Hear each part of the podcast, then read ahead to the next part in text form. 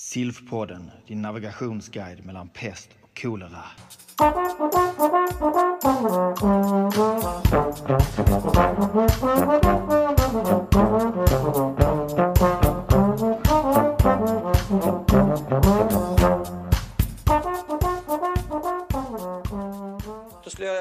Jag hälsa alla hjärtligt välkomna till eh, SILF-podden och det är sjätte avsnittet och det är den 24 i 11 2021. Och detta som är som en del i State of the Art Covid och det här handlar om tro och vetenskap. Vad är post-covid egentligen? Det här sänds eh, från lite olika delar av eh, Sverige och i dagens avsnitt så har vi då bjudit in David Gyll som är allmänläkare från Uppsala Anna Domey som är rehabläkare från Falun och Per Åkesson från infektionskliniken i Lund. Själv heter jag Johan Tam och jag är infektionsläkare sedan flera år tillbaka och jag sitter också med som utbildningsansvarig i Svenska infektionsläkarföreningen. Och du Fredrik? Ja, Fredrik Månsson heter jag, också infektionsläkare på Skånes universitetssjukhus med placering i Malmö, precis som Johan.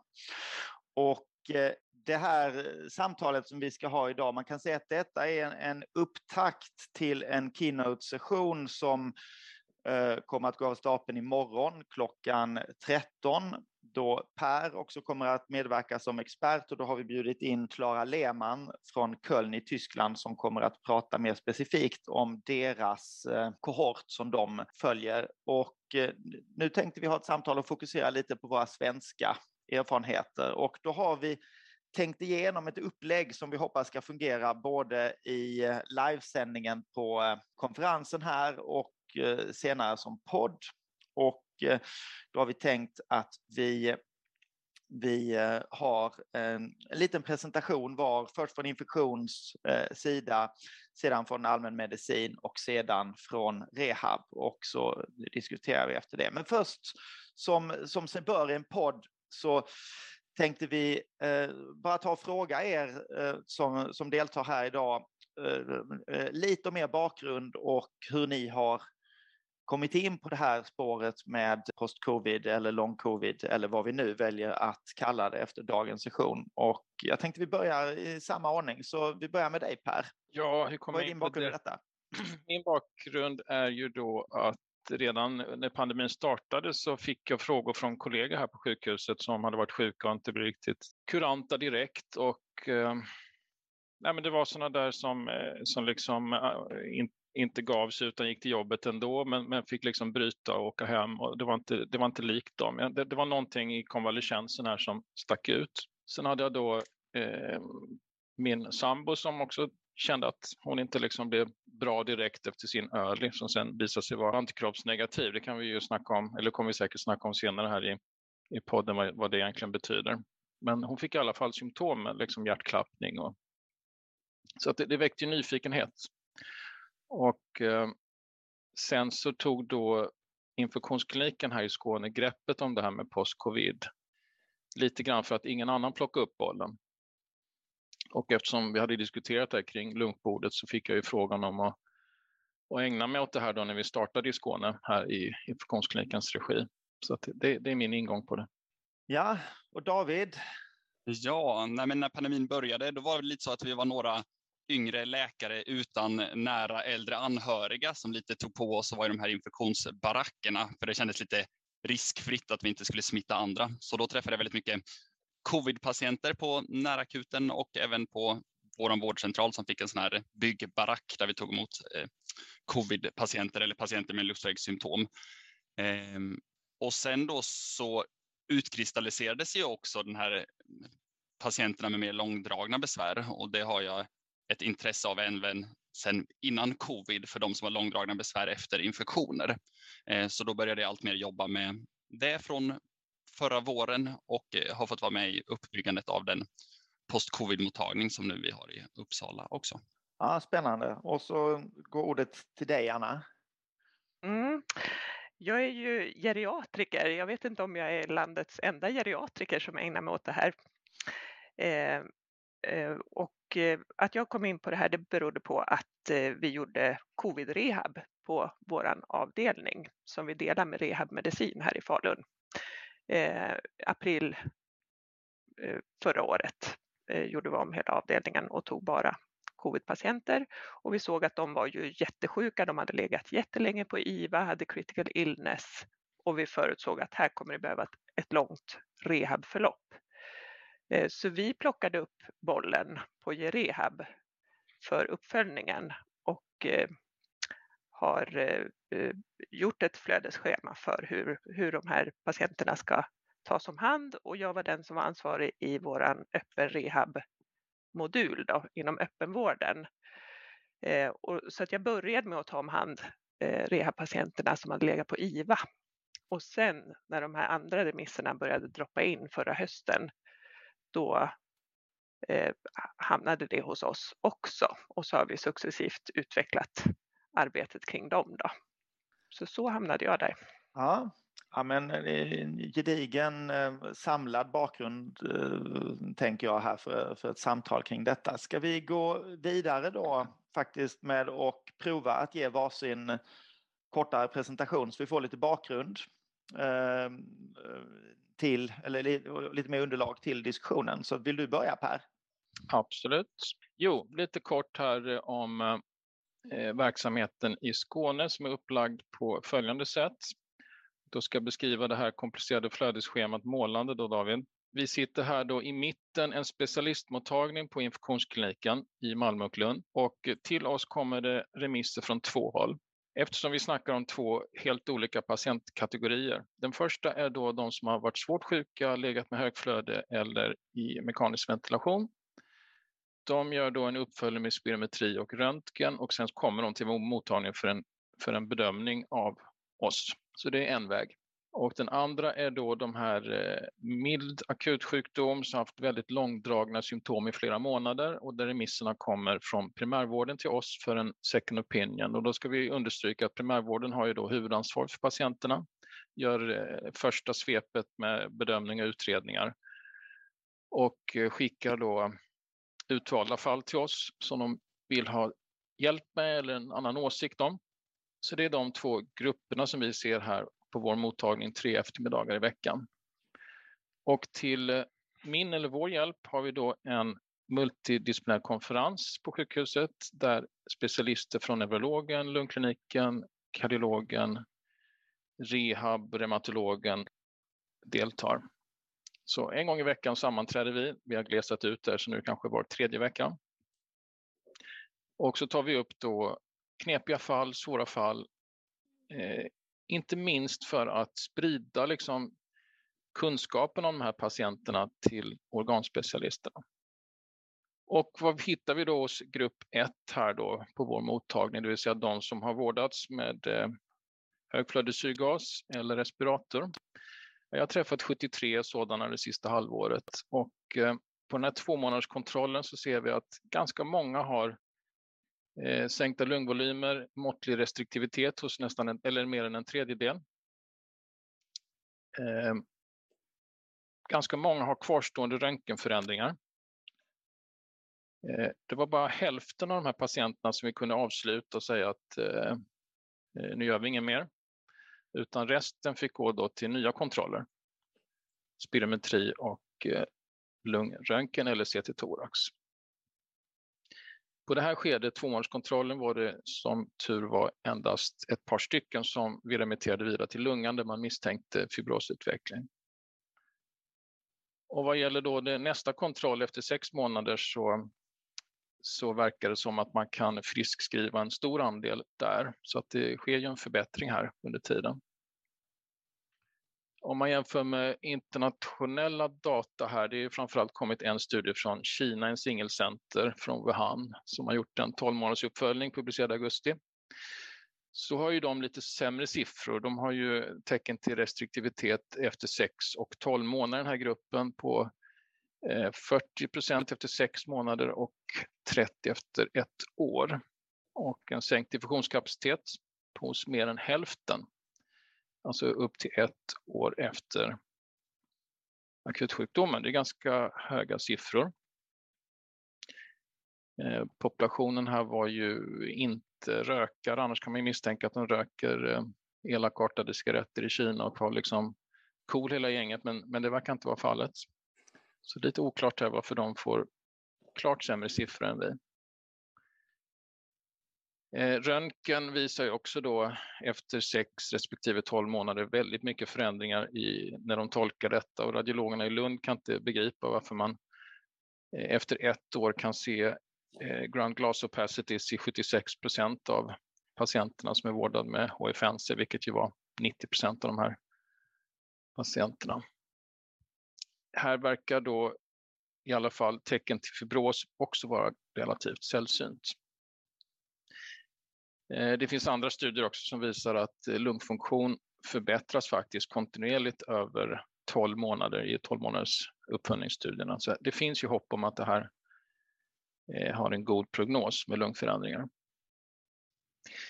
Ja, finns det mer än lungor då? Jo, i början var det ju lite fokus på myokardit och MR-förändringar i pilotstudier. Det, vis, det, har man ju tonat ner och det verkar inte vara någon, något stort problem. Jag ser inget på vår mottagning i alla fall med, med kardiomyopatier eller myokarditer.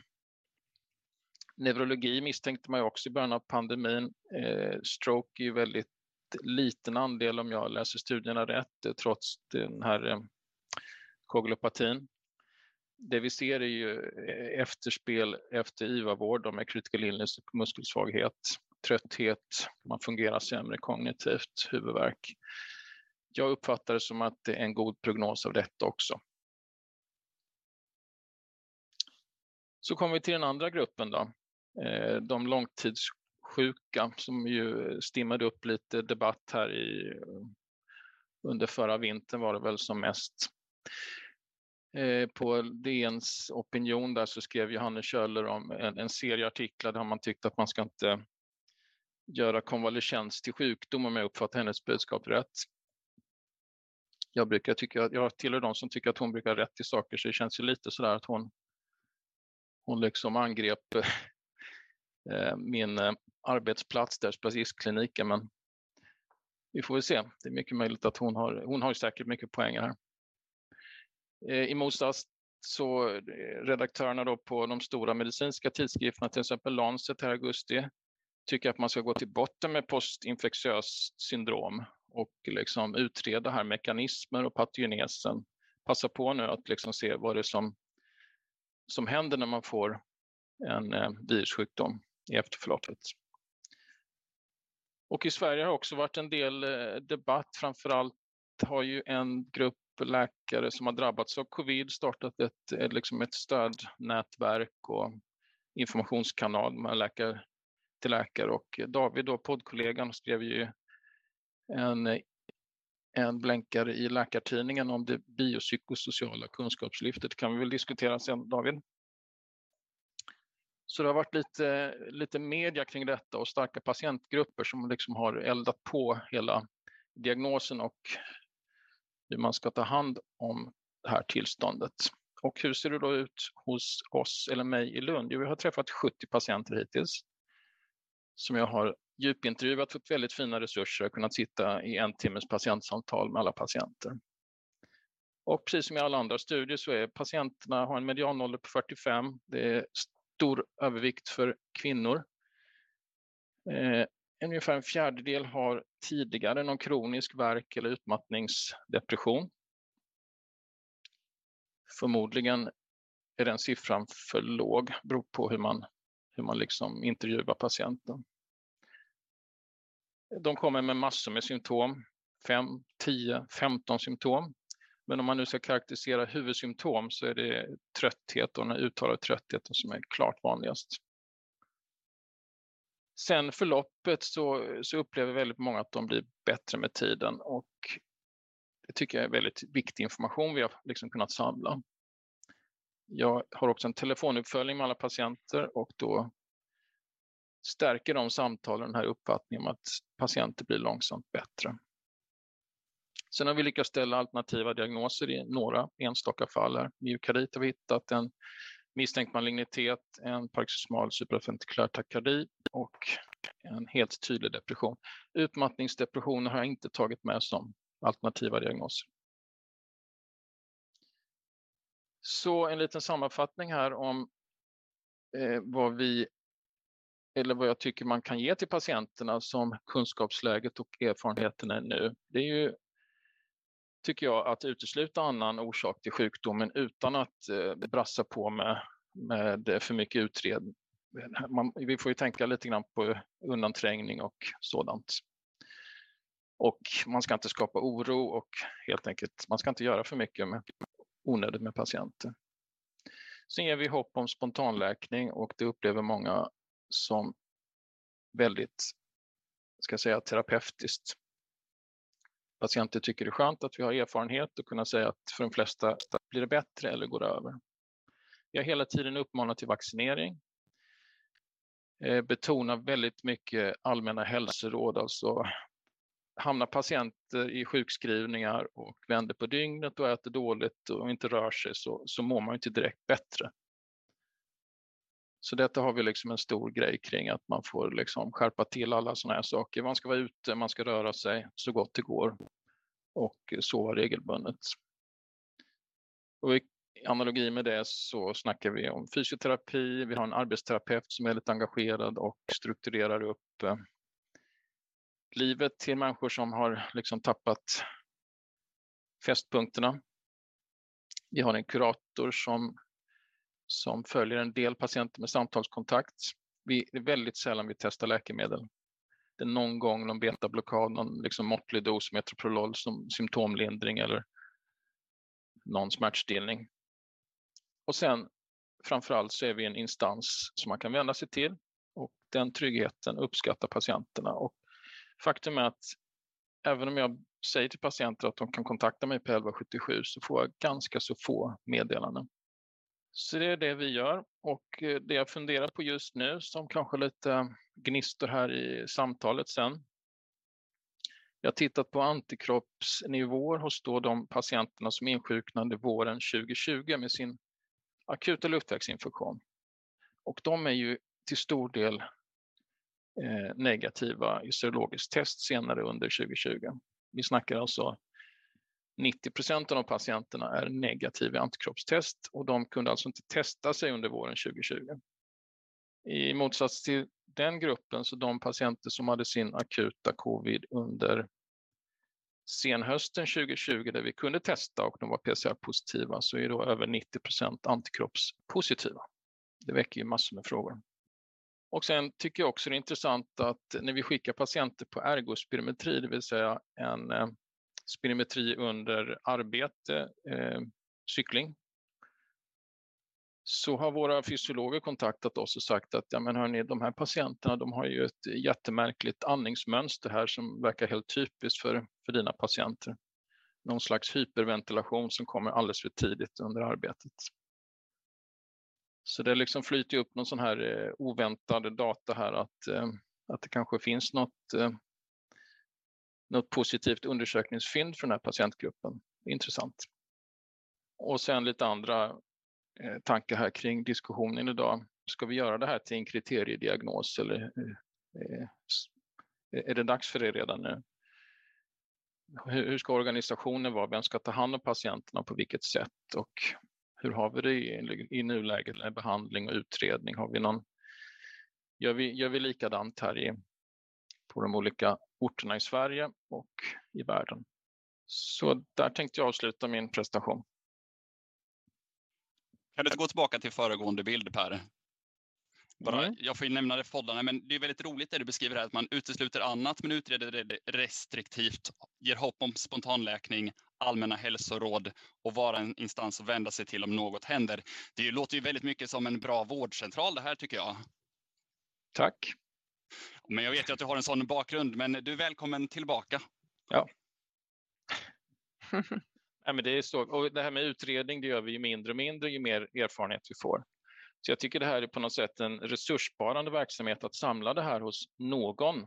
Det behöver inte vara en infektionsläkare, det kan vi diskutera sen. Men, men att någon ser patienterna och eh, förstår sig på det, det, det, leder till mycket mindre utredning. Håller ni med? Håller med. I ja. bästa fall. Mm, jo. Då blir det så. Ja, tack så mycket Per. Jag, jag tänker att vi fortsätter med Davids presentation och sen med Annas presentation och så, och så tar vi diskussionen efter ehm, i en gemensam samlad diskussion. Så att vi bjuder in David. Tack.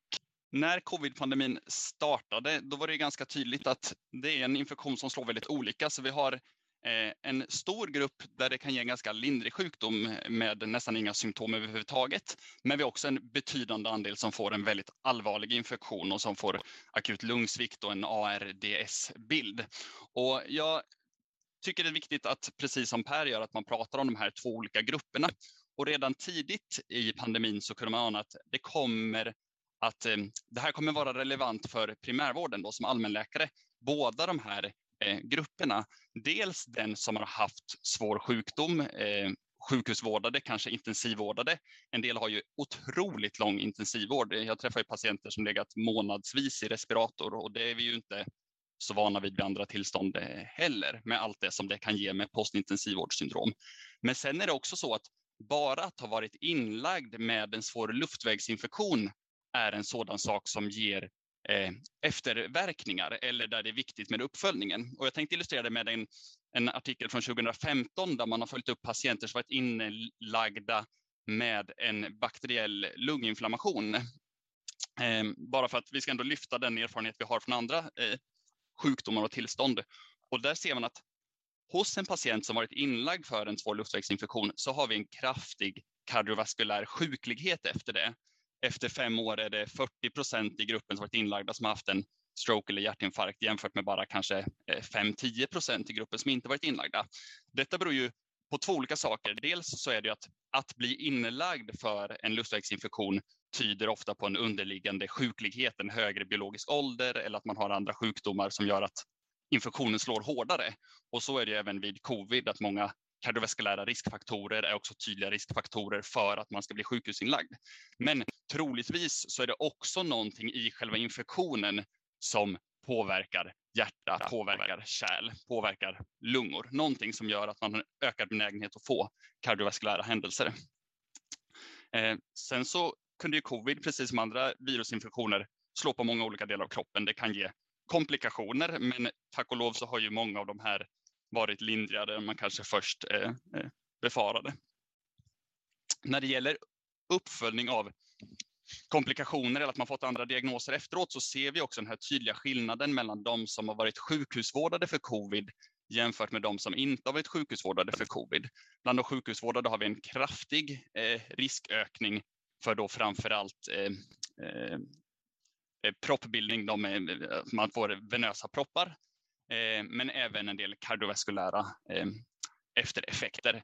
Medan man inte ser det i samma utsträckning hos de som inte varit sjukhusvårdade med det tydliga undantaget med anosmin som ju slår liksom över hela gruppen. Eh, men förutom då de som har haft en svår luftvägsinfektion och som vi behöver följa upp, det är ju för övrigt tycker jag lite ett sorgebarn i vården, de som blir utskrivna från sjukhus, att man tappar bort dem i uppföljningen. För där kan vi jobba med sekundärprevention lite oavsett vad man varit inlagd för. Att ha varit inlagd på sjukhus är ett tecken på att man sannolikt behöver jobba, eller många, en stor del av den gruppen så finns det saker att göra för att de inte ska hamna på sjukhus igen oavsett vad de var inlagda för. Eh, men sen så har vi den här gruppen då som haft lindrig sjukdom och då kan man tänka, men det ger ju inte komplikationer. Men i primärvården så har vi en ganska stor grupp patienter som får långdragna besvär även efter liksom lindrigare infektioner. Eh, varje år har vi de som haft influensan där man inte riktigt kommer tillbaka. Det, liksom, det går inte framåt. Eh, vi har borrelia-patienter som fått behandling men de tycker inte det ger med sig. Man har ledvärk, man fortsätter få hudsymptom och liknande. Och många gånger så hittar man kanske inte en så självklar förklaring eller koppling mellan symptomen man har och det som är den utlösande faktorn eller ens en etiologi bakom det symptom man har. Men det är inte någonting som är unikt för den här typen av tillstånd. Det här, nu visar jag en bild från Kurt Krönke, en sån som har forskat just på symptomförekomst i befolkningen mer generellt. Hur ser det ut liksom, om vi frågar folk om de har symptom? Då är det ganska vanligt att ha symptom. Och om man då plockar in folk som man aktivt söker upp, frågar om symptom, tar in dem, försöker hitta en orsak, då är det så att i de allra, allra flesta fall så hittar vi inte liksom en patologi, en, liksom en sjukdom till det symptom man har. Att man brukar prata om disease och illness, att man, har, eh, man kan ha ett symptom och ibland är det symptomet orsakat av sjukdom, men det vanliga på en vårdcentral är att vi inte hittar en bakomliggande sjukdom. Och är man på akutmottagning och tar eh, icke-röda orangea patienter så är det också många patienter som har symptom där vi lite släpper med lugnande besked som man säger. Men det kan vi prata om att det inte är helt optimalt. Och inom primärvården så jobbar vi ju väldigt mycket då ändå. Vad gör man när man inte har en disease? För det är ju otroligt lite på läkarprogrammet tyvärr. Det är väldigt få av de case man har som är att du har en patient här och så har de symptom och sen är facit att ah, men det var ingen sjukdom bakomliggande. Det är för få sådana fall. Vi har en som söker med bröstsmärta, vi hittar ingenting. Vi har en som söker med magont, vi hittar ingenting. Vi har en som har andfåddhet, spirometri, lungröntgen normala. Vad gör, vad gör vi då? Och inom brittisk eh, primärvård pratar man om what do you do when you don't know what to do? Eh, det är liksom ett koncept som, där som finns eh, och här har jag ett exempel på ett koncept som man kan jobba med, med det som då kallas ibland funktionella symptom. Att vi har stora, ibland man har mycket större funktionsnedsättningar och symptom än när man hittar en bakomliggande disease. Men vi hittar inte det här eh, mekanistiska felet eller det biologiska felet. Eh, och då finns det lite så här koncept kring hur man ändå kan jobba med den här patientgruppen.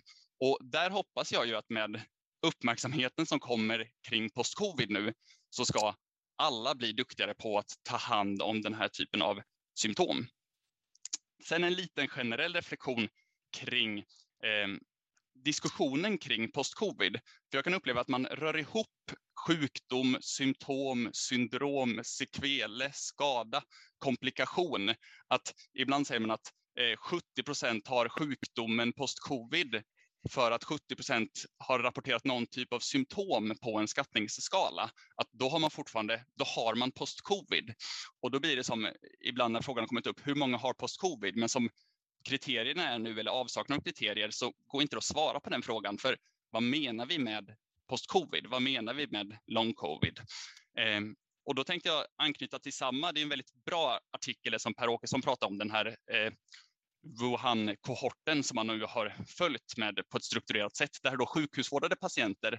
De har gjort sex månaders uppföljning. Eh, den studien tycker jag är väldigt bra och sen har de gjort den här 12 månaders uppföljningen nu också som jag tycker börjar bli mer svårfångad. Det är så otroligt eh, den börjar bli lite väl spretig hur de sköter korten. Men sex månaders uppföljningen tycker jag är jättefin. Och där är det en jättestor andel som rapporterar symptom. Något symptom har 76 procent. Trötthet och muskelsvaghet är då 63 procent som rapporterar och så har vi den här anosmin här som 11 procent rapporterar och det står ju sig väldigt fint i många eh, studier. Eh, men tittar man sen om man har några bekymmer av det här så har man också fyllt i en skattningsskala kring hur ger, har man några besvär i vardagen av det här och då är det bara ungefär 1 till 2 procent som har någon typ av liksom nedsättning av sina symptom. Och då måste man ha en diskussion om ja, men, trötthet som inte ger någon påverkan i vardagen hur, hur, ska vi, hur ska vi se på det egentligen? Och sen om man tittar hur de skattar sin livskvalitet så skattar de ändå då på befolkningsnivå, hela gruppen skattar en helt eh, normal livskvalitet för män i Kina. Liksom. Om man tittar och jämför, det finns en diabetesundersökning, då skattar de samma eh, quality of life ungefär. Så det blir en sån här viktig fråga, att är alla symptom verkligen tecken på sjukdom och finns det fördelar och nackdelar med att vi nu förstår alla symptom efter covid som post-covid, ett nytt tillstånd. Ja, otroligt intressant eh, David. Det här väcker mycket frågor och man funderar lite grann på hur vi väl är rustade för att ta hand om de här patienterna genom den utbildning vi har fått. Eh, nu försvann Fredrik här, men jag tänkte att vi ska gå vidare och eh, lyssna på Annas föreläsning också. Ja, erfarenheter från Dalarna. Det var jättespännande att höra vad, vad ni andra gör. Jag tycker att jag känner igen mig från Per och Davids, eh, du fångade väldigt bra det här spretiga konceptet som vi ska försöka eh, ta hand om och eh, lotsa fram på bästa sätt. Organisationen i Dalarna är så att den inneliggande rehaben av covid-patienterna har skett på vår rehabavdelning i Falun där vi i vanliga fall har både äldre och yngre rehabpatienter och de fick flytta till Ludvika, Avesta och Mora Eh, när det var som mest. Då. Eh, och sen gjorde vi upp en struktur för uppföljning av de här ganska tidigt i förloppet. Vi började april, maj 2020 och tänkte att vi, det här kommer vi kunna sköta inom ramen för den rehaborganisation som vi har. Och jag vet ju att infektionsläkare eh, är inte så hemma på rehabiliteringsorganisationen. Så jag tänkte dra det lite grann. Då har vi rehab som är ansluten till sjukhuset. Eh, öppenvårdsrehab kallar vi det för och det finns på alla länets sjukhus i Falun, Borlänge, Avesta, Ludvika och Mora. Och här bestämde vi att alla IVA-vårdade skulle remitteras direkt utan eh, de remisserna går automatiskt på alla IVA-vårdade patienter så att de inte ska missas på något sätt. För vi förstod ju det här med att de har legat länge på IVA. Eh, många av dem har haft ARDS. Det här är ju sånt som leder till fysiska, psykiska och kognitiva problem i förlängningen och det är något som vi är vana att följa upp inom rehabmedicin. Eh, sen har vi primärvårdsrehab som är nästa instans. Det är den rehab som är knuten till eh, vårdcentralerna. Och här har de ju tagit hand om de lindrigare sjuka covidpatienterna, både de som har vårdats på sjukhus med kanske bara syrgas då, eller de som har sökt efter att ha vårdat sig själva hemma. Och sen har vi ett gäng till som har haft covid som kanske har legat på boenden eller eh, vårdats hemma med hemtjänst.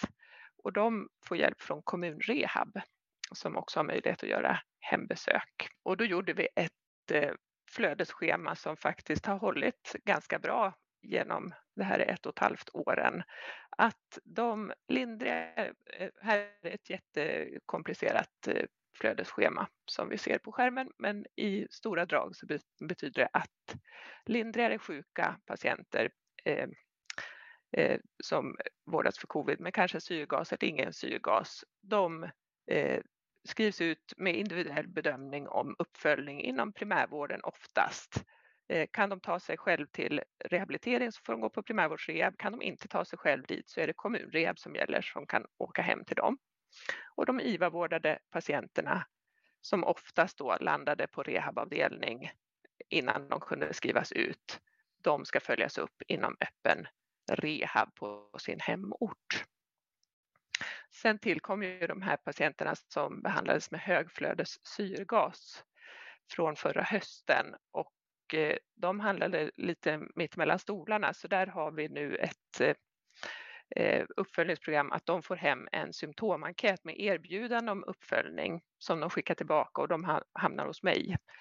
Får de skatta sin andfåddhet och hur de har kommit tillbaka och så ringer jag upp dem om de önskar det. Och många av dem har ju också behövt uppföljning förstås. Men de kan jag lite grann differentiera då om de ska in i specialiserad rehab eller om de kan gå på primärvårdsnivå. Men många av dem behöver ju röntgenuppföljning och sådär hösten 2020 så gjorde jag en liten egen uppföljning av vad som hade hänt med första vågens IVA-vårdade patienter. Eh, jag tog en del av dem, eh, de som hade legat inne under april och maj. Eh, och det var 42 stycken som skrevs ut överlevande. Och så gjorde jag en journalgenomgång för att veta lite grann eh, hur, hur, hur mycket behöver de här våran uppföljning eh, och vad ska vi rikta in oss på? Eh, och en del av de här träffade jag också. Det var lite beroende på vad som framkom i journalen. En del hade blivit släppta från sin rehab för de hade tillfrisknat ganska snabbt fysiskt och klarat sin vardag och sådär. Men sen såg man när hösten kom och de skulle börja tillbaka i arbete, då hade de börjat ta kontakt med vårdcentralen för de orkade inte riktigt och sådär. Så de, de tog jag tillbaka då hösten 20. Och då såg vi att eh, det är mycket nedsatt muskelkraft, eh, dyspné ingår i det här nedsatt kraft. Över 80 procent hade sådana besvär efter sex månader. Hjärntrötthet och kognitiva besvär, knappt 40 procent. En del med psykiska besvär, eh, några med behandlingskrävande smärtor. Det var mycket de här critical illness-patienterna som hade neuropatiska smärtor. Och två av de här som låg inne i första vändan hade kvarstående syrgas i hemmet. Men det har ju faktiskt varit ganska ovanligt eh, sen, tack och lov. Eh, sen den hösten kom ju de här nya remisserna då, med eh, yngre patienter som hade långvariga symptom, varierande karaktär, Eh, hade haft en lindrig sjukdomsbild med en förkylning som ofta var utan något positivt covid-test, ofta utan positiva antikroppar, ofta också. Eh, och en helt ny patientgrupp. Det var ju inte de här som hade legat på IVA utan det var yngre kvinnor, högpresterande, de motionerade mycket, de var inte överviktiga. Och de här remisserna kom inte bara till oss utan de kom ju såklart också till infektion och till lung och till kardiologen. Så då satte vi oss ihop på sjukhuset först eh, och utarbetade en utredningsgång så man inte skulle missa eh, allvarliga bakomliggande sjukdomar. Och sen har vi samkört det här med, med primärvården så att eh, de har införlivat det här i sitt arbetssätt. För att vi tycker att grunden för de här milt sjuka med långvariga symptom är såklart primärvården där man är van att få den här symptomfloran och eh, eh differentiera eh, vad är vad. Eh, och när man har gjort den här grundutredningen så är det viktigt att de tidigt får tillgång till rehabinsatser på primärvårdsnivå. Och om inte det är tillräckligt så kan man numera skicka remiss till vår post-covid-mottagning. Eh, för först körde vi post-covid i, inom vår öppen rehab, den allmänna, där vi annars tar hand om stroke och ortopediska skador som behöver hembesök för att kunna komma hem lite tidigare. Eh, men eh, vi insåg att det här kommer behövas en specialiserad enhet. Sjukgymnasterna behövde utbilda sig mer inom sex minuters gångtest, andningsfysiologi och sådär. Eh, så i maj så startade vi ett eget team och det har varit en enorm skillnad för mig som doktor att ha ett eh, dedikerat gäng som, som eh, gör sina bitar. Och här bedömer vi då de här post-covid-patienterna från primärvården, ger en second opinion, samlar ihop utredningen eh, och sen följer vi på sikt de IVA-vårdade patienterna. De, har vi hand om från att de skrivs ut och eh, ger rehabinsatser. Och det vi gör, jag och sjukgymnasten träffar alla patienter och sen är det ytterligare teammedlemmar efter behov. Jag eh, värderar och eventuellt kompletterar den gjorda utredningen. Och så har jag en multidisciplinär rond varannan vecka. Eh, här har vi kardiologen, lung, infektion och röntgen och det är ju jättevärdefullt. Då kan vi sitta och titta på bilder och eh, diskutera så att man inte gör för mycket, inte för lite. Sjukgymnasterna är ju väldigt eh, praktiskt inriktade gör sex minuters gångtest på alla, sitt-stand-test på alla. Då får man ett kvitto om de desaturerar, hur långt de kan gå, hur de beter sig när de rör sig, hur de, eh, hur de andas. Många av de här långvariga, de, de drar upp axlarna och andas högt upp i bröstkorgen. Eh, så mäter vi in och utandningsmuskelstyrka, MIP och MEP. Eh, och den här bedömningen av andningsmönster som är jätteviktig. Och jättemånga patienter är ju hjärntrötta och till del kan ju jag fånga det som har träffat mycket patienter efter stroke. Eh, så jag är ganska van vid det. Men det behövs ofta en fördjupad bedömning och då arbetsterapeuten i första hand. Och är det lite mer krångligt, för det är rätt mycket samsjuklighet i gruppen som eh, Per också sa med tidigare utmattning kanske, finns annan psykisk sjukdom sen innan. Jag har haft flera stycken med ADHD som har svårt att ta till sig strategier och annat för att, att hålla energinivån på en bra balans. Och då behöver vi neuropsykologen. Och både arbetsterapeuten och neuropsykologen kommer från vårt hjärnskadeteam så de har ju jättebra eh, bakgrundskunskaper. Eh, och sjukgymnasterna har gått på på utbildning på lungmottagningen hos deras sjukgymnaster för att lära sig mer. Då. Och sen har vi en kurator. Eh, man får inte glömma bort eh, familjen i det här när det ofta är kvinnor eller män i arbetsför ålder med små barn hemma. Att det, det, finns andra som kan må dåligt av att det är en förälder som, som inte fungerar och inte kan delta i familjelivet. Och så kan de hjälpa till med kontakter med Försäkringskassan också vid behov. Och vi ser också hjärntrötthet. Jag pratar jättemycket hjärntrötthet på mina eh, mottagningsbesök. Vi ser ganska mycket dysfunktionell andning och eh, min eh, tro är att det sekundärt leder till många av de andra symptomen med smärta och yrsel. Eh, ibland svaghet i in eller utandningsmuskulatur som man faktiskt kan träna upp med pepppipa eller inandningsmuskeltränarpipa. Den ser likadan ut fast man andas inåt. Eh, och det här är också lite terapeutiskt för patienterna upplever jag att får de ett kvitto på att ja men här ser vi någonting som du kan jobba med så är det något som, som hjälper dem i sin process framåt. Och sen ser vi ju mycket hjärtklappningsbesvär. Inte några typiska POTS. Jag har haft kanske en. Eh, och samsjuklighet är jättevanligt med andra eh, tillstånd.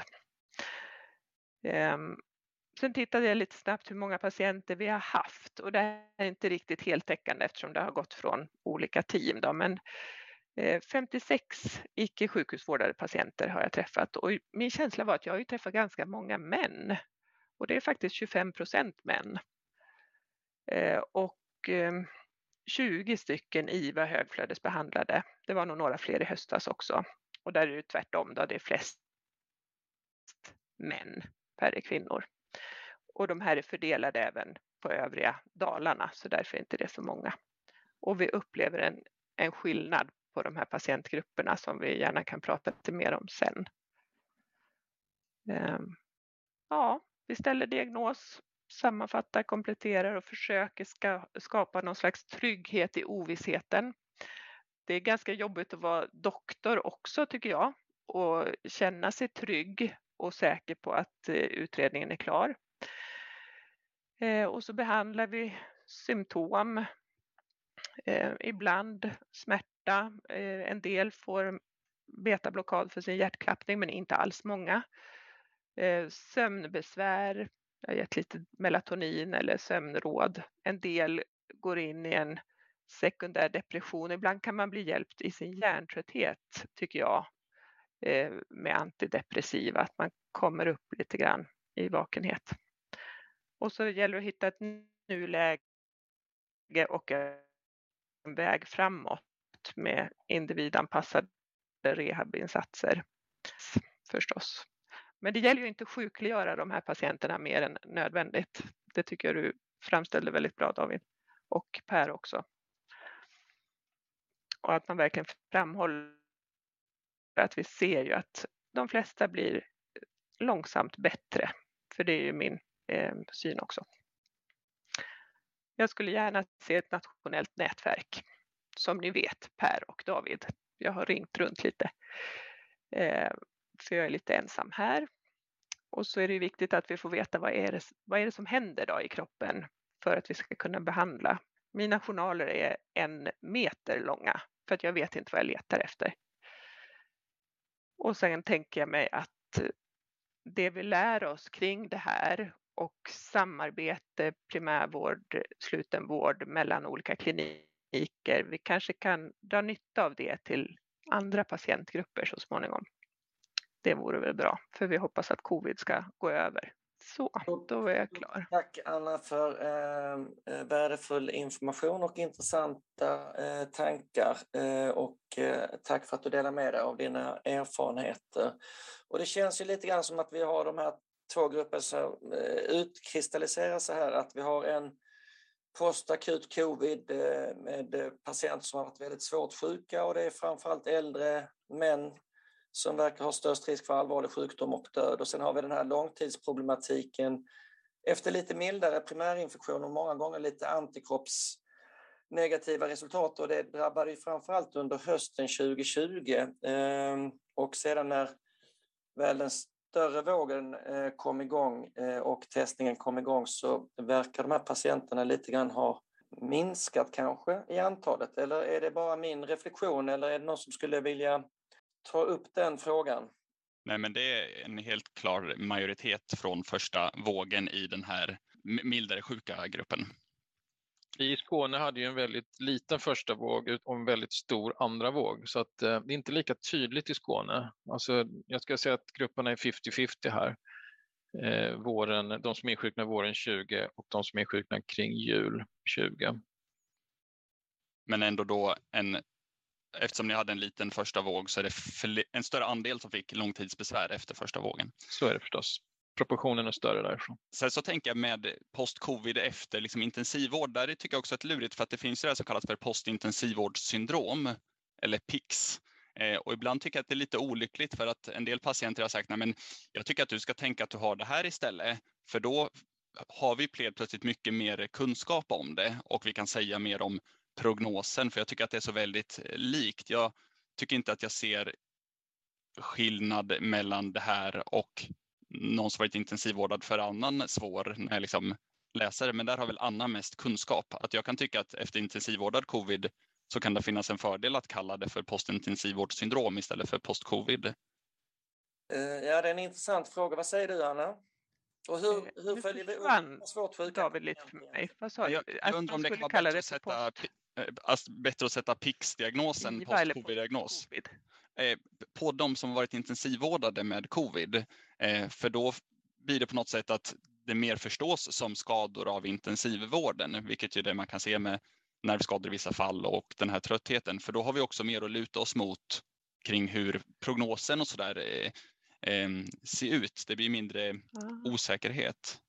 Hur tänker du kring det? Eller tycker du att de skiljer ut sig från annan postintensivvård, alltså andra med ARDS? Liksom? tror att Anna är med och, och hör oss lite brutet kanske.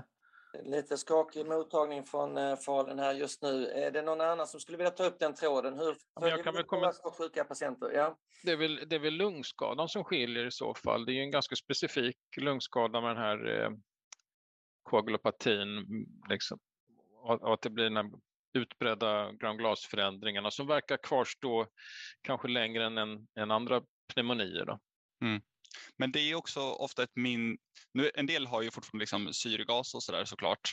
Eh, men, eh, men även då, då tänker jag att det ofta är att de har fibrotiska förändringar. Så det är fortfarande igen det där är om begreppet post-covid tillför någonting där eller om man ska förstå det som restriktiv lungsjukdom och postintensivvårdssyndrom. Liksom.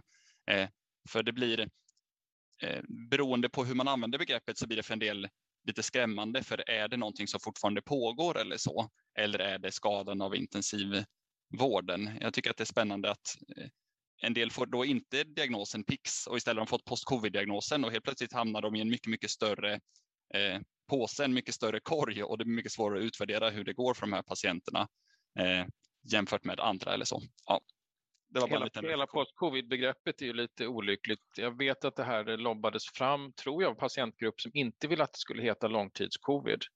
Och sen hamnade både intensivvårdsgruppen och eh, de med mild akutsjukdom i samma paket som skulle kallas post-covid. Så det är två helt olika sjukdomsgrupper som, som tydligen ska ha samma namn. Det mm. tycker jag är lite olyckligt. Hur kommer vi... Ja, förlåt.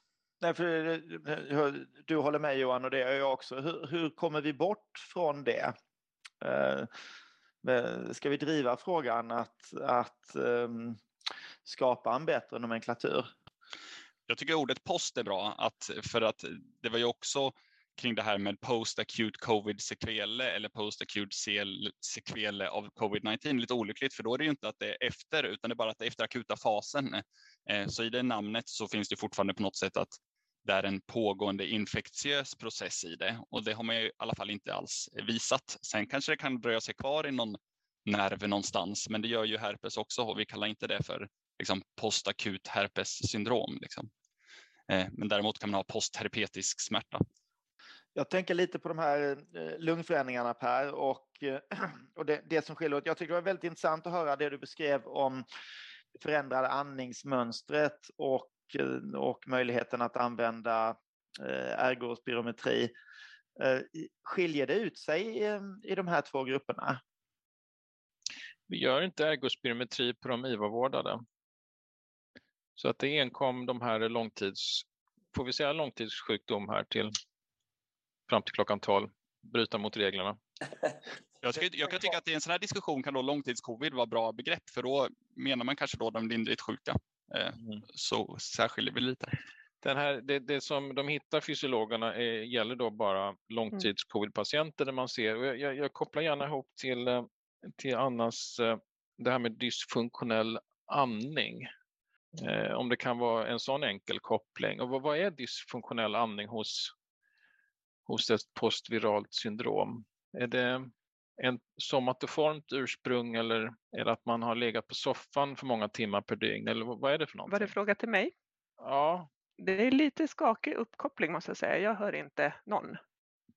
Vi, vi hör dig, eh, vi, vi hör oss, oss övriga väldigt bra så hör vi dig ibland Anna. Så det, Men, sitter, eh, det nog, sitter nog hos dig. Mm.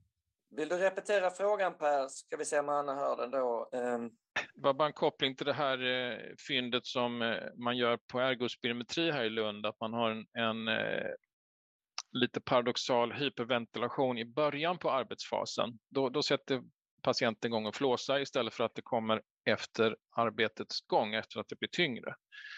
Och det tycker fysiologerna är, har inte de sett vid andra tillstånd, utan de tycker att det här är ett, ett Och typiskt jag tecken på- hör, jag hör nästan inte er alls alltså.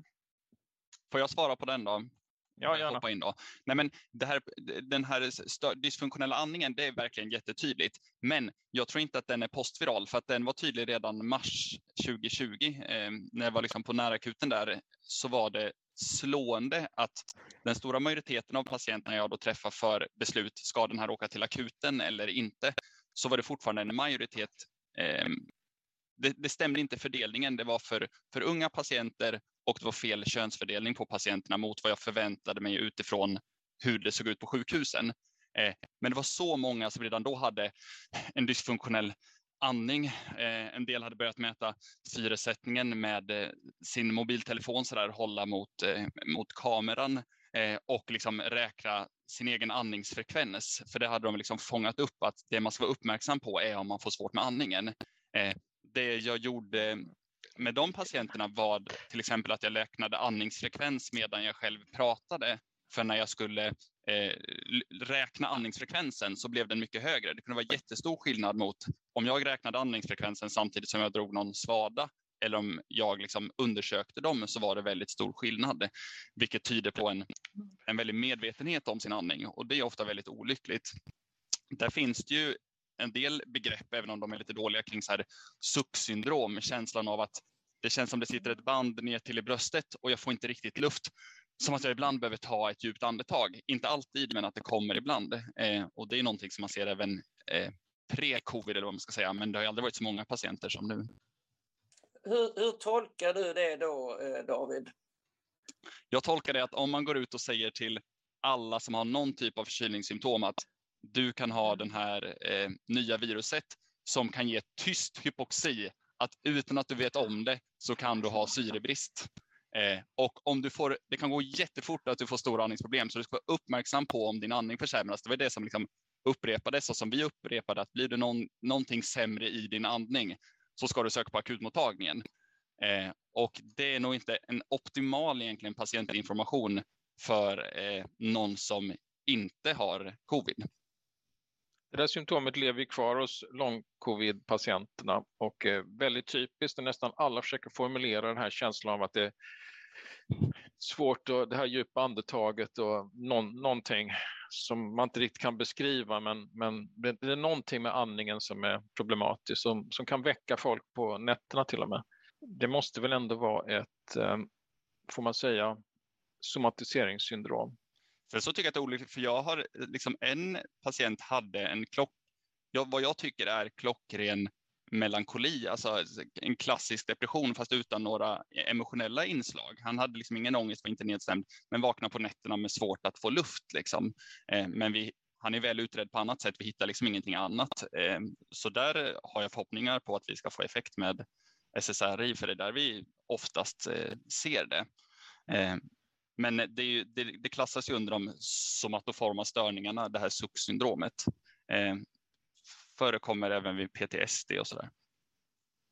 Sen dyker det upp en del sådana här pilotstudier som vi måste ändå liksom vara vakna och ta ställning för. Jag vet inte om ni har eh, sett den här eh, från eh, Yale tror jag det var, publicerad i Chest på tio patienter som de cyklade plus att de blev hjärtkatetriserade.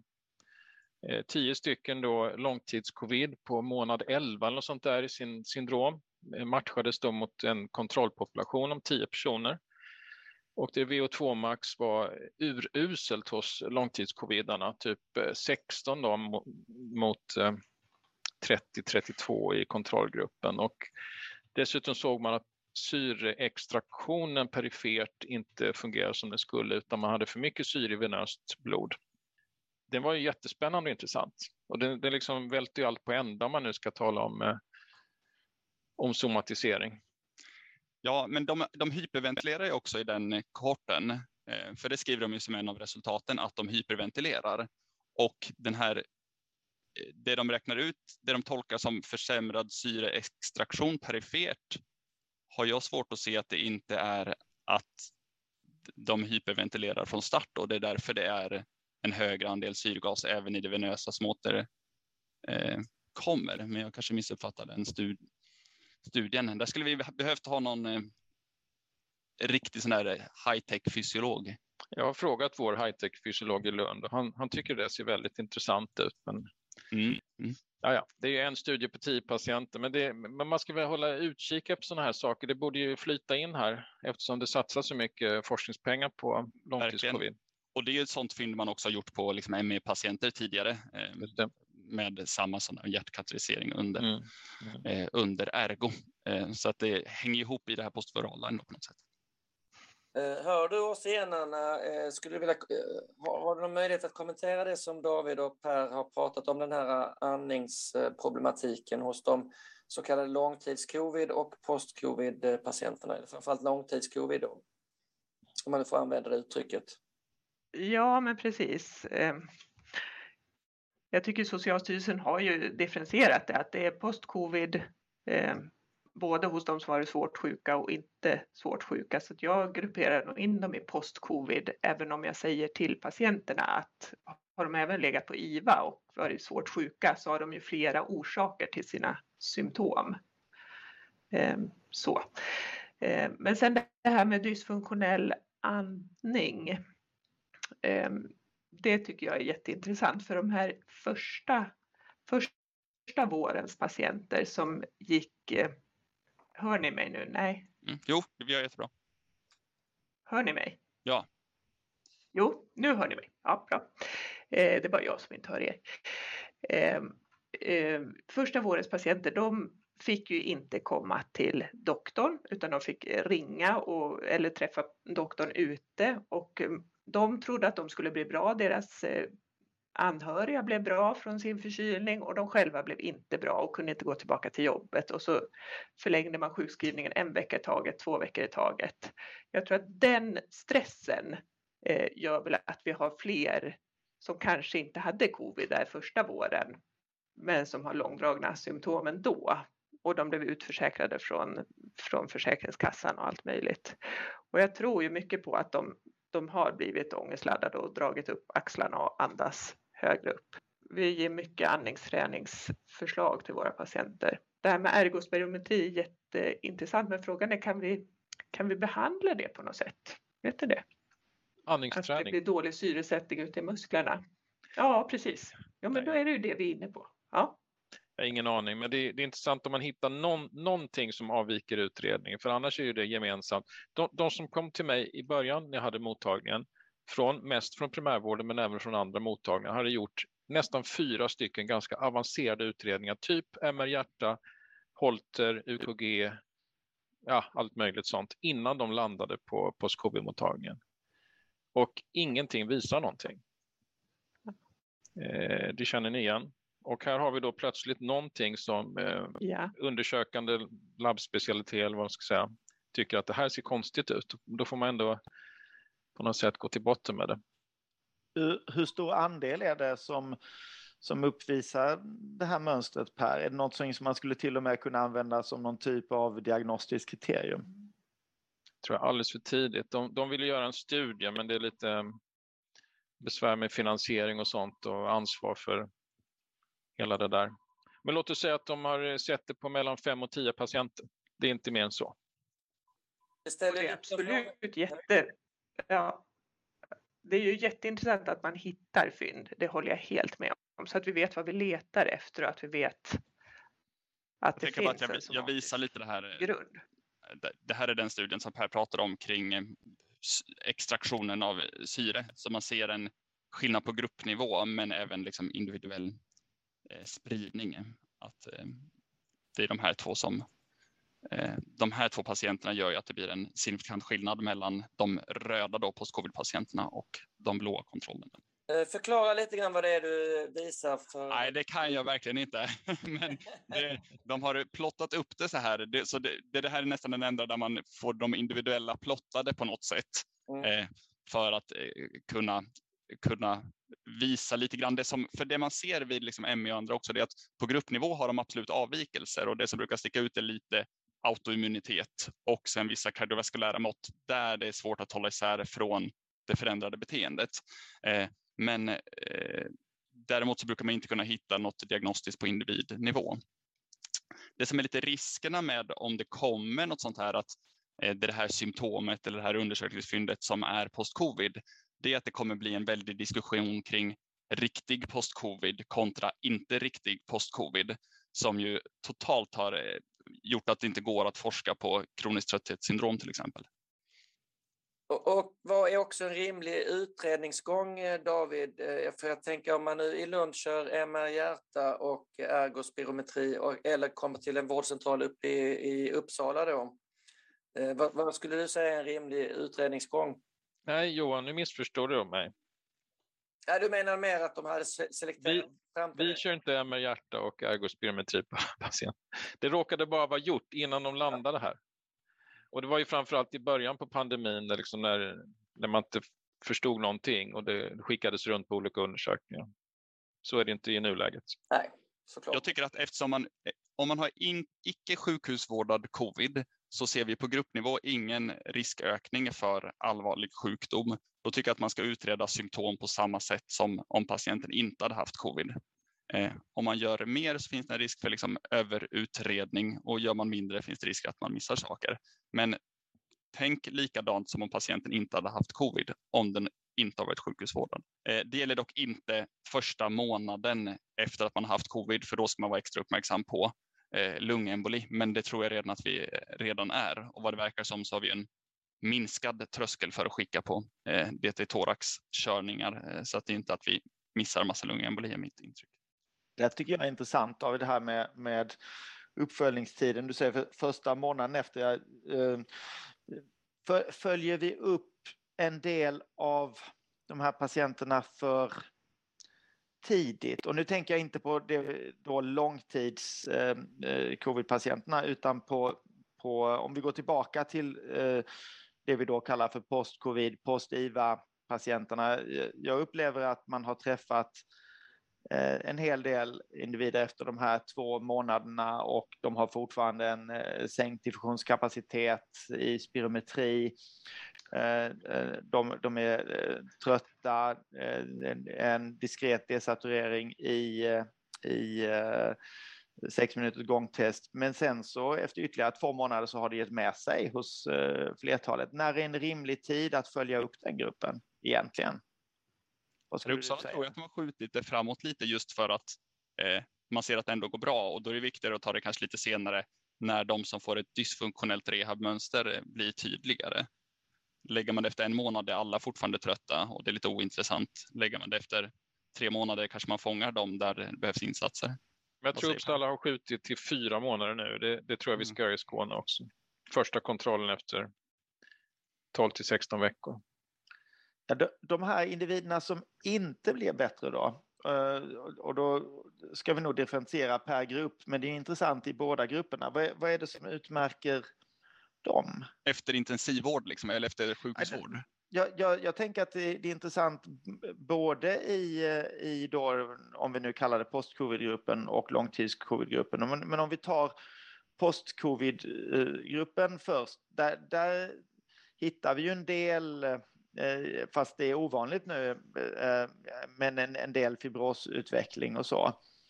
Eh, jag vet inte om ni har något att tillägga där, men hur är den andra gruppen, långtids-covid-gruppen, vad utmärker de som inte blir bättre där? Oj. För, för jag tycker ändå att i, om vi nu kallar det för långtids-covid-gruppen, så har, ser vi ju ändå en förbättring hos flertalet eh, individer, vilket har gjort att vi med rätt stor eh, trygghet har kunnat säga att majoriteten blir bättre och, och vi, vi, kan ändå luta oss på den erfarenheten när vi, när vi då, eh, då kan ge ett i alla fall hoppfullt besked till patienten. Vad är det som utmärker de som inte blir bättre i längden?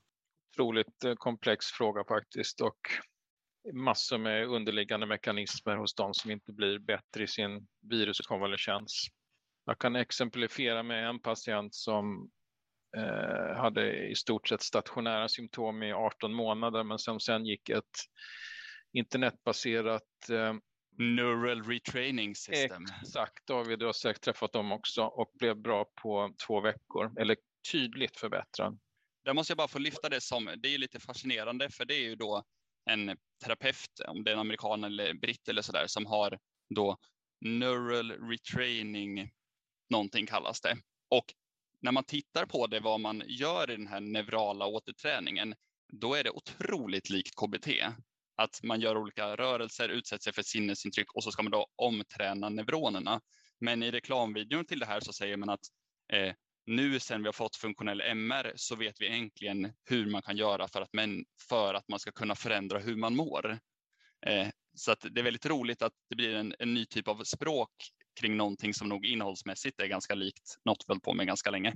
När det då också finns ett kraftigt motstånd mot KBT, men istället betalar man för privat eh, neural retraining som är ganska likt KBT med vissa speciella inslag. Eh, jag tänkte det kring faktorer som håller igång det. Nu får poddarna ursäkta, men nu visar jag en bild här där då det här biopsykosociala kunskapslyftet som vi har lite förespråkat en grupp under den här pandemin.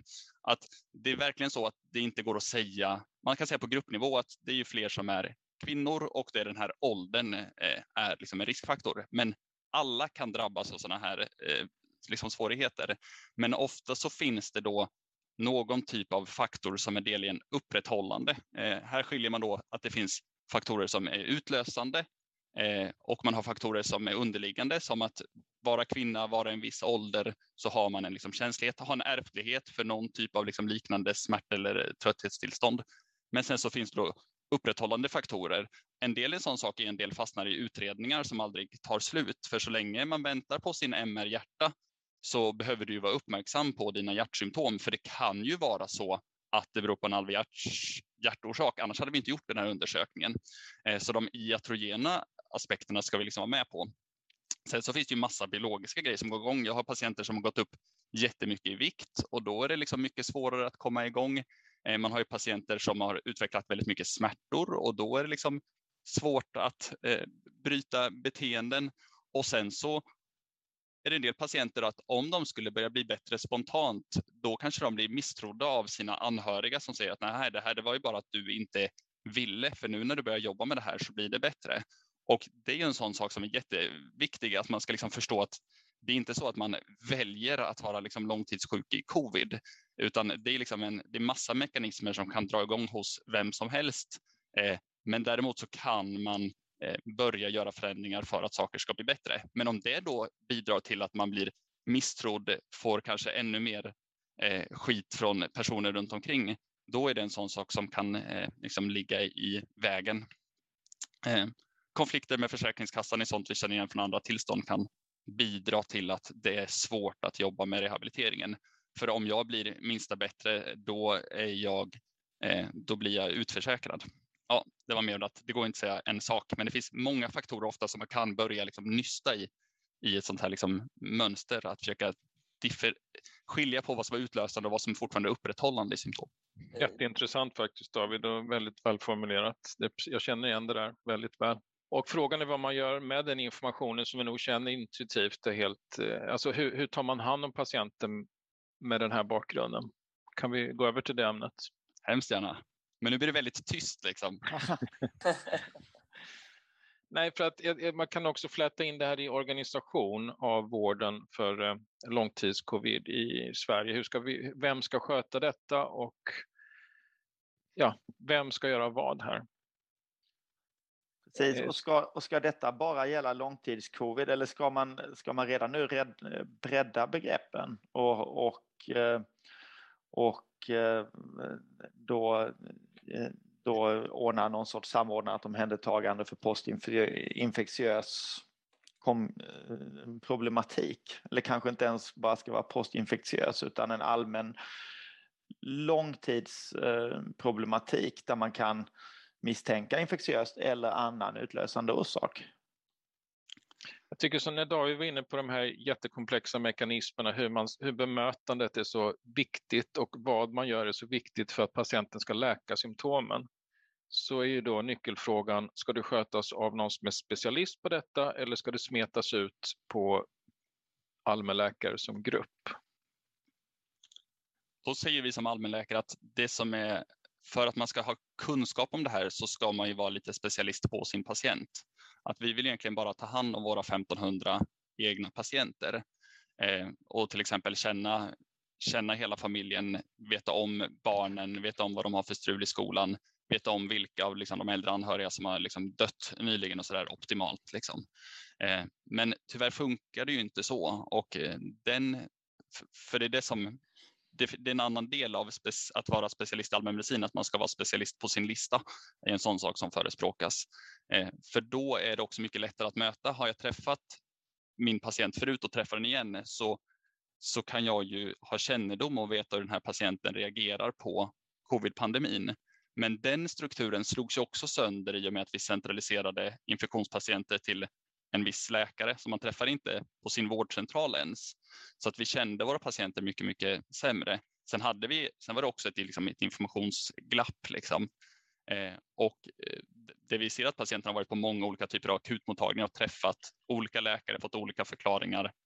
Eh, men en lite generell höjd status för det som ibland slarvigt kallas medicinskt oförklarade symptom hos alla eh, tror jag kan bidra jättemycket. Att man för sin egen del har, som lungläkare har en förklaring. Vad gör jag med andfåddhet där undersökningar är normala? Det finns liksom förklaringssätt som kan vara väldigt effektiva.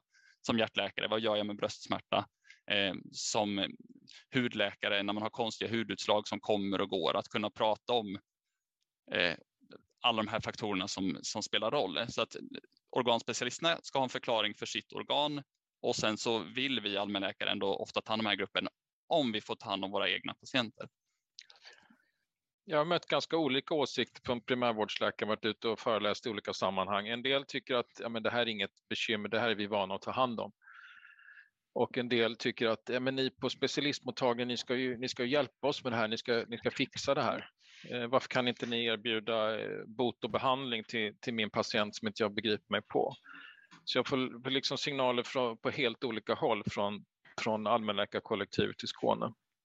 Det är också för att det är en så svår grupp. Men Anna kan väl komma med någon kommentar kring andra svårrehabiliterade tillstånd? Eh, Anna hör oss eh, och jag tror inte Anna hör oss så bra. Vi får ställa en fråga i chatten till henne. Vill du formulera den David? Jag får ingen kontakt med henne via chatten tyvärr heller. Ja, eh. ja jag förstår. För att mm, om vi då skulle ta en koppling till det vanligaste trötthetssyndromet i Sverige då som är liksom utmattningssyndrom så har väl det också varit en sån där som har flugit runt och vem ska ta hand om det och det är jättesvårt, jättekomplext, vad ska vi göra?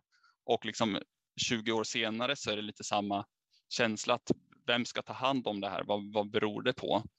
Eh, så att det, det, kommer nog alltid finnas kvar och jag vet att verkligen att alla allmänläkare inte tycker att det är så, så kul, men eh, det, det, är nog ändå där det kan bli bäst. Liksom. Och ni har ju också kunskapen om den här eh, omgivningen som den här personen är satt i. Vi träffar... I bästa fall. Mm. I bästa fall, ja. Precis som det funkar som det ska. Så jag, jag håller helt med dig. Det låter ju som att... Det, sen tycker jag att hela det här biopsykosociala kunskapslyftet som du har nämnt tidigare, det känns som att det är rätt mycket att gräva i det. Eller där är någonting som vi alla vill liksom hitta något patofysiologiskt enkelt. För oss som infektionsläkare så pratar vi om en bakterie som ger en sepsis och sen så är det liksom färdigt. Men det finns många andra mer komplexa frågor som vi faktiskt är rätt mycket sämre på eh, att hantera här. För vi har någon slags utredningsådra i oss där man ibland kan fundera på att det finns andra sätt att möta patienten i vardagen som ni är mycket, mycket bättre på än vad vi är. Ni har större vana vid att hantera det här, att man ska vara liksom trygg i ovissheten, för det är inte alltid så enkelt att man kan hitta någon speciell utlösande mekanism. Eller eh, vad säger du David? Det låter som du kan ha läst eh, Jonna Bornemark där om att vara trygg i ovissheten. Men, men och, det, och där ska vi också vara för att det handlar ju inte om att man är oviss för att om det skulle vara så att eh, för en del har beskrivit att symptomen på skovpatienter har är helt nya och vi känner inte igen det här. Men den erfarenheten delas ju inte av de som har hållit på med postvirala symptom förut. Eh, så att vi menar ju att det inte är ett jättestort nytt kunskapsområde, för då i så fall blir vi bara ignoranta liksom, och det här att vi anklagas för att inte vara ödmjuka. Men det är så pass mycket som är likt så att jag skulle tro att det i flesta fall är likt. Sen så har vi till exempel postcovid anosmin som inte är lik det vi ser liksom vid andra postvirala tillstånd. Eh, och där känner jag mig liksom lost och vet inte riktigt vad man ska göra och hoppas verkligen att det så här, Eh, satsas för där är någonting jag är övertygad om att man kommer hitta och där är så tydligt att man har symptomet en tydlig avvikelse när man gör MR i rätt tid och man hittar avvikelser liksom i cell, att det finns en tydlig koppling mellan symptom och fynd som man då inte ser kring andra så här undersökningsfynd som man gör. Eh, och vi har ju en liksom väldigt utredande mottagning i, i Sverige och då gör man liksom specialhjärtundersökningar och ser endoteldysfunktion. Men det ser vi även vid sängliggande fem dagar kan ge en likartad bild. Så det är väldigt svårt att veta, är det för att den här gruppen är mycket mindre, mycket mer immobiliserad? Och sen så har de ju massa, massa symptom som trötthet och icke ansträngningslöst bröstsmärta. Och då är det väldigt svårt att säga att skulle det bero på liksom någon slags mikrokärldysfunktion, eh, då borde vi väl snarare se avvikelser på ett, vanligt arbetsprov eller sådär. Så att det finns en liten risk att man letar små, små avvikelser som kanske inte mäter det vi vill göra. Någon slags off-label användning av undersökningar. Eh, jag skulle gärna vilja dra in eh, Anna här om hon hör oss eller om någon kan hjälpa och skriva för att när man sitter på en specialist... Nu hör jag faktiskt. Ja, härligt. Ja. Eh, på den här specialistmottagningen när man diskuterar organisation så pratas det mycket om rehab som liksom patienten ska erbjudas. Rehab, det är liksom lösningen på detta. Och eh, jag som kör med allmänna hälsoråd och försöker få patienten ur soffan och ut på promenaden undrar vad, vad, vilken är den magiska rehabåtgärden? Finns det en sån? Nej, eh, det gör det ju inte, utan det är det jag talar om för alla mina patienter, att jag har inte något magiskt trollspö, utan det är du som leder din rehabilitering. Jag kan, vi kan hjälpa från teamet med vår kunskap om vad du kan göra för att successivt öka din fysiska kapacitet till exempel. Hur du ska träna eh, bröstkorgsrörlighet och djupandning för att få till ett mer funktionellt andningsmönster. Jag kan erbjuda en arbetsterapeut som diskuterar hur man ska hantera den här hjärntröttheten och spara på den energi man har så att den räcker till det man vill göra. Men sen måste ju patienten själv eh, ta ansvar för att göra de här sakerna. Men vi kan ju stötta, det är väl det magiska, att vi kan erbjuda experter som kan stötta längs vägen. Jätteskönt att höra, för jag försöker också få patienten att ta ansvar själv och inte förlita sig på en eh, liksom någon professionell vårdperson som ska liksom lösa det utan att man funderar igenom både sin liksom allmän, allmänna livsföring och stressnivå och hur man liksom har sin livsföring vad det gäller hälsa med rörelse och ja, allt det jag var inne på tidigare. Jag vet inte riktigt vad, vad liksom en rehabklinik, om det nu ska organisera, i Skåne blåser lite vindar att man ska organisera upp det här med rehabkliniker ska vara mer aktiva för patienterna. Jag vet egentligen inte vad det ska tillföra. Nej, jag tänker mycket information tidigt i förloppet kanske, hur man, att det ligger på 1177 som det delvis gör, hur man ska hantera om man inte blir riktigt bra, att det finns Eh, Eh, råd till självhjälp från början så att man inte fastnar i sådana här mönster. Jag tror mycket kommer ligga på primärvårdsrehabnivå. Och jag tror distriktsläkare är bäst lämpade för det här men kanske på eh, att man samlar några distriktsläkare som, som får mycket kunskap kring gruppen. I alla fall nu innan vi vet så mycket. Det upplever jag har varit ett ett litet bekymmer har varit att många patienter, det finns ju en del som eldar på en väldig oro för komplikationer. Så att en stor del av liksom, bland min arbetstid går åt att gå igenom undersökningar som patienter vill ha gjorda och varför och hur man liksom tänker och resonerar kring det. Och det är ju lite frustrerande ibland när man, eh, man, får, man det känns som man får städa upp efter saker som har sagts eller spridits av andra. Och är det inte så också David att vi är rätt så olika som människor, eh, läkare? Det... det så är det Johan, vi är olika som människor. Du har helt rätt. Ja, men jag menar mer, tack du. Eh, jag tänkte mer så här att eh, vi har ju en tendens till att kanske vilja utreda som bara den ibland och sen så en annan dag så tänker man att ah, men det där är ju ingenting. Och det är lätt att man kan liksom på något sätt tvångsmässigt hamna i en utredningsgång som kanske inte alltid är så gynnsam för patienten men det kanske kan vara lättare att skicka iväg en röntgenpulm bara för att säga, säga att nej, det ser ju bra ut. Eh, det var mer så jag menade. Och, mm. och, och, att den här eh, som humör som läkare så ibland så kan man vara beredd att axla allt ansvar i världen och säga att nej, jag tar ansvar för det här, det här är ingenting. Och ibland så kanske det gror någon slags eh, liten ångestdel i en som säger att ja, men det kanske trots allt skulle kunna vara eh, fel på mitokondriefunktionen eller någonting annat. Liksom. Har jag nu tagit alla prov, vad som är rimligt att göra? Och att kunna hitta den här eh, balansgången med en rimlig utredningsgång som gör att patienten också känner sig nöjd i det här eh, innan man skyller allting på den ja, biopsykologiska mekanismen eller vad man nu ska säga David. Nej, men Absolut, men där måste man också lära sig att känna igen det som inte brukar vara någonting. Att det har ju också ett, ett särskilt fingerprint liksom. Eh, och att det är alltid så att till viss del handlar vårt jobb om att ta över patientens oro och ångest för en viss symptom eller så och säga nej men det här är ingenting. Och det är klart att jag alltid kan ha fel och ibland har man fel. Eh, och då får man ju liksom titta på när man går på och nitar vad det är. Eh, men bara för att ta en sån här take home message eller så här enkel sak är att aldrig göra det här att idag får du begränsa dig till tre saker som du söker med. Eh, det är jättedumt, utan låt patienten dra allting den söker med. För om patienten nämner eh, likställer en mängd olika symptom från många olika organsystem eh, och presenterar alla dem som lika eh, och inget av de enskilda symptomen är specifikt allvarligt för en sjukdom. Om den mitt i det säger jag kissar blod, då är det ju bara då fokuserar man bara på att kissa blod eller jag har känt en knöl i bröstet, då fokuserar man bara på knölen i bröstet. Eh, men nämner man annars en mängd olika symptom som presenteras lika allvarliga, då kan man vara ganska lugn med att det inte är någonting. Det finns det liksom ganska väl visat. Medan om en patient söker med, jag tror jag har post-covid, eh, jag får ett tryck över bröstet när jag går i uppförsbacke, då, då är det någonting och då utreder man det liksom tills man hittar en förklaring till det. Men det finns specifika fynd för att det här är troligtvis inte någon organskada eller allvarlig bakomliggande sjukdom. Mm, väldigt välformulerat. Jättebra David. Det är alltid svårt när det kommer liksom ett nytt tillstånd, för det är ju ett nytt tillstånd, även om vi kanske tvivlar på att det är så nytt nu, men det var nytt 2020 i alla fall.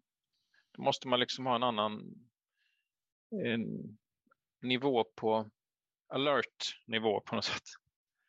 Sen vill jag säga det att det som jag tror hjälper patienten och som också sparar resurser, det är att man det första läkarbesöket, det som var det än görs på specialistnivå eller i primärvård, eh, måste ju vara tilltaget i tid.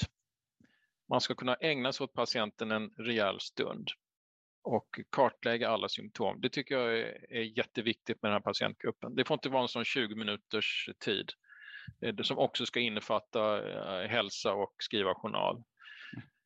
Eh, det lönar sig på sikt att ta en rejäl sittning med en sån här patient.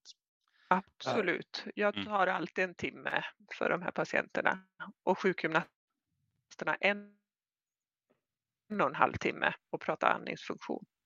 Jag läste ju en, en kommentar, David, inför det här podden som mejlar ut den här intressanta franska studien som egentligen talar för att det är ganska mycket somatisering. Det var jätteintressant, men författaren där i en, i en eh, podcast berättar hur de gjorde i Paris med sin post-covid-mottagning.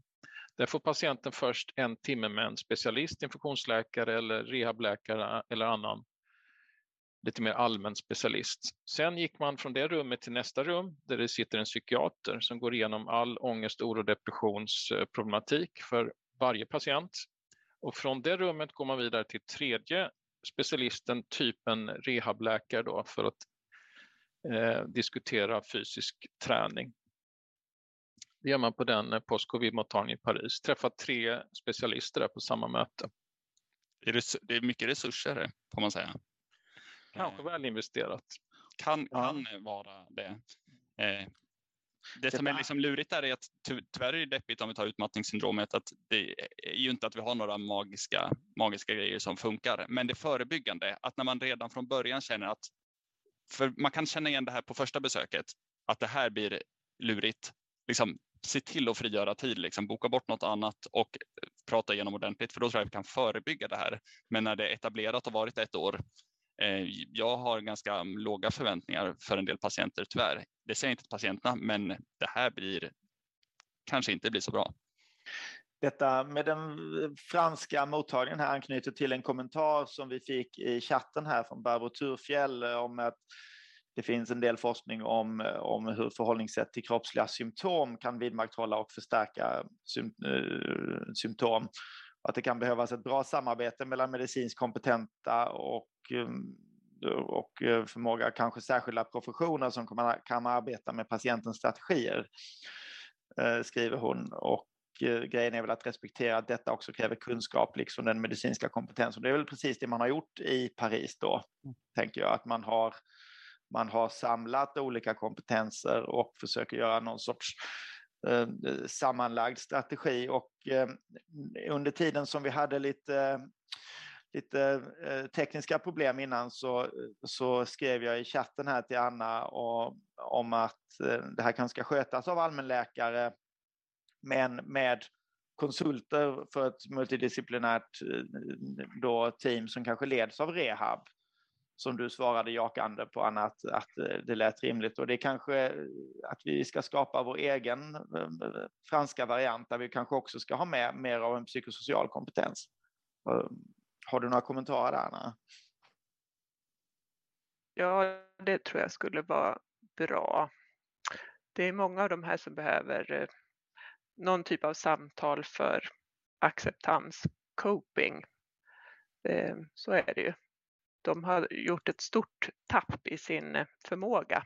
Det är ju högpresterande personer, väldigt många av de här långtidscovid. Ehm, så att vi, jag tror, om, om jag fick önska så skulle jag vilja ha en allmän läkare med mig på mottagningen så skulle det vara vi två liksom och teamet runt. Ehm, det tror jag skulle vara en jättebra bedömningsinstans och sen så primärvård för det är ju ett självläkande tillstånd verkar det ju som. Det blir långsamt bättre.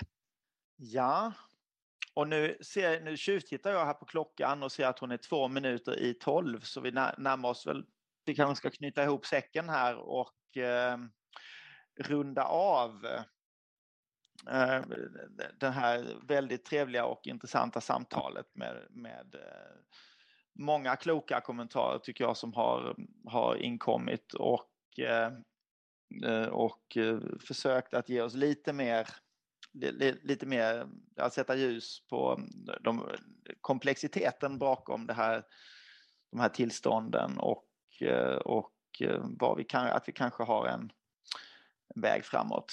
Ska vi ha någon sista runda bara med det viktigaste take home message från respektive Per, Anna och David här? Om vi börjar med dig Per. Ja, vad är det du tycker att vi ska ta med oss på eh, långtidscovid? Eh, hur ska de följas upp och vem ska ta hand om det? Hur ska vi uppfatta signalerna som, från den här multisymptomatologin som de har ibland? Men jag tycker nog att eh, patienterna är så pass eh, svårfångade och eh, jag tror det kräver att de får träffa en läkare med ganska stor erfarenhet av patientgruppen. Man säger så. På något ja. sätt tycker jag vi ska organisera så att eh, det, det är läkare med specialintresse för den här typen av symptom som ska träffa patient. Mm. Och David? Träna upp din förmåga att ta hand om patienter med symptom där man inte alltid hittar en bakomliggande biologisk orsak. Och eh, slutligen Anna? Ja, att man samlar patientgruppen så att vi samlar kunskapen på eh, utvalda håll att vi har ödmjukhet inför det vi inte vet och att man möter patienten där den är och försöker hitta en bra strategi framåt utan att sjukliggöra för mycket. Mycket bra. Och slutligen Fredrik?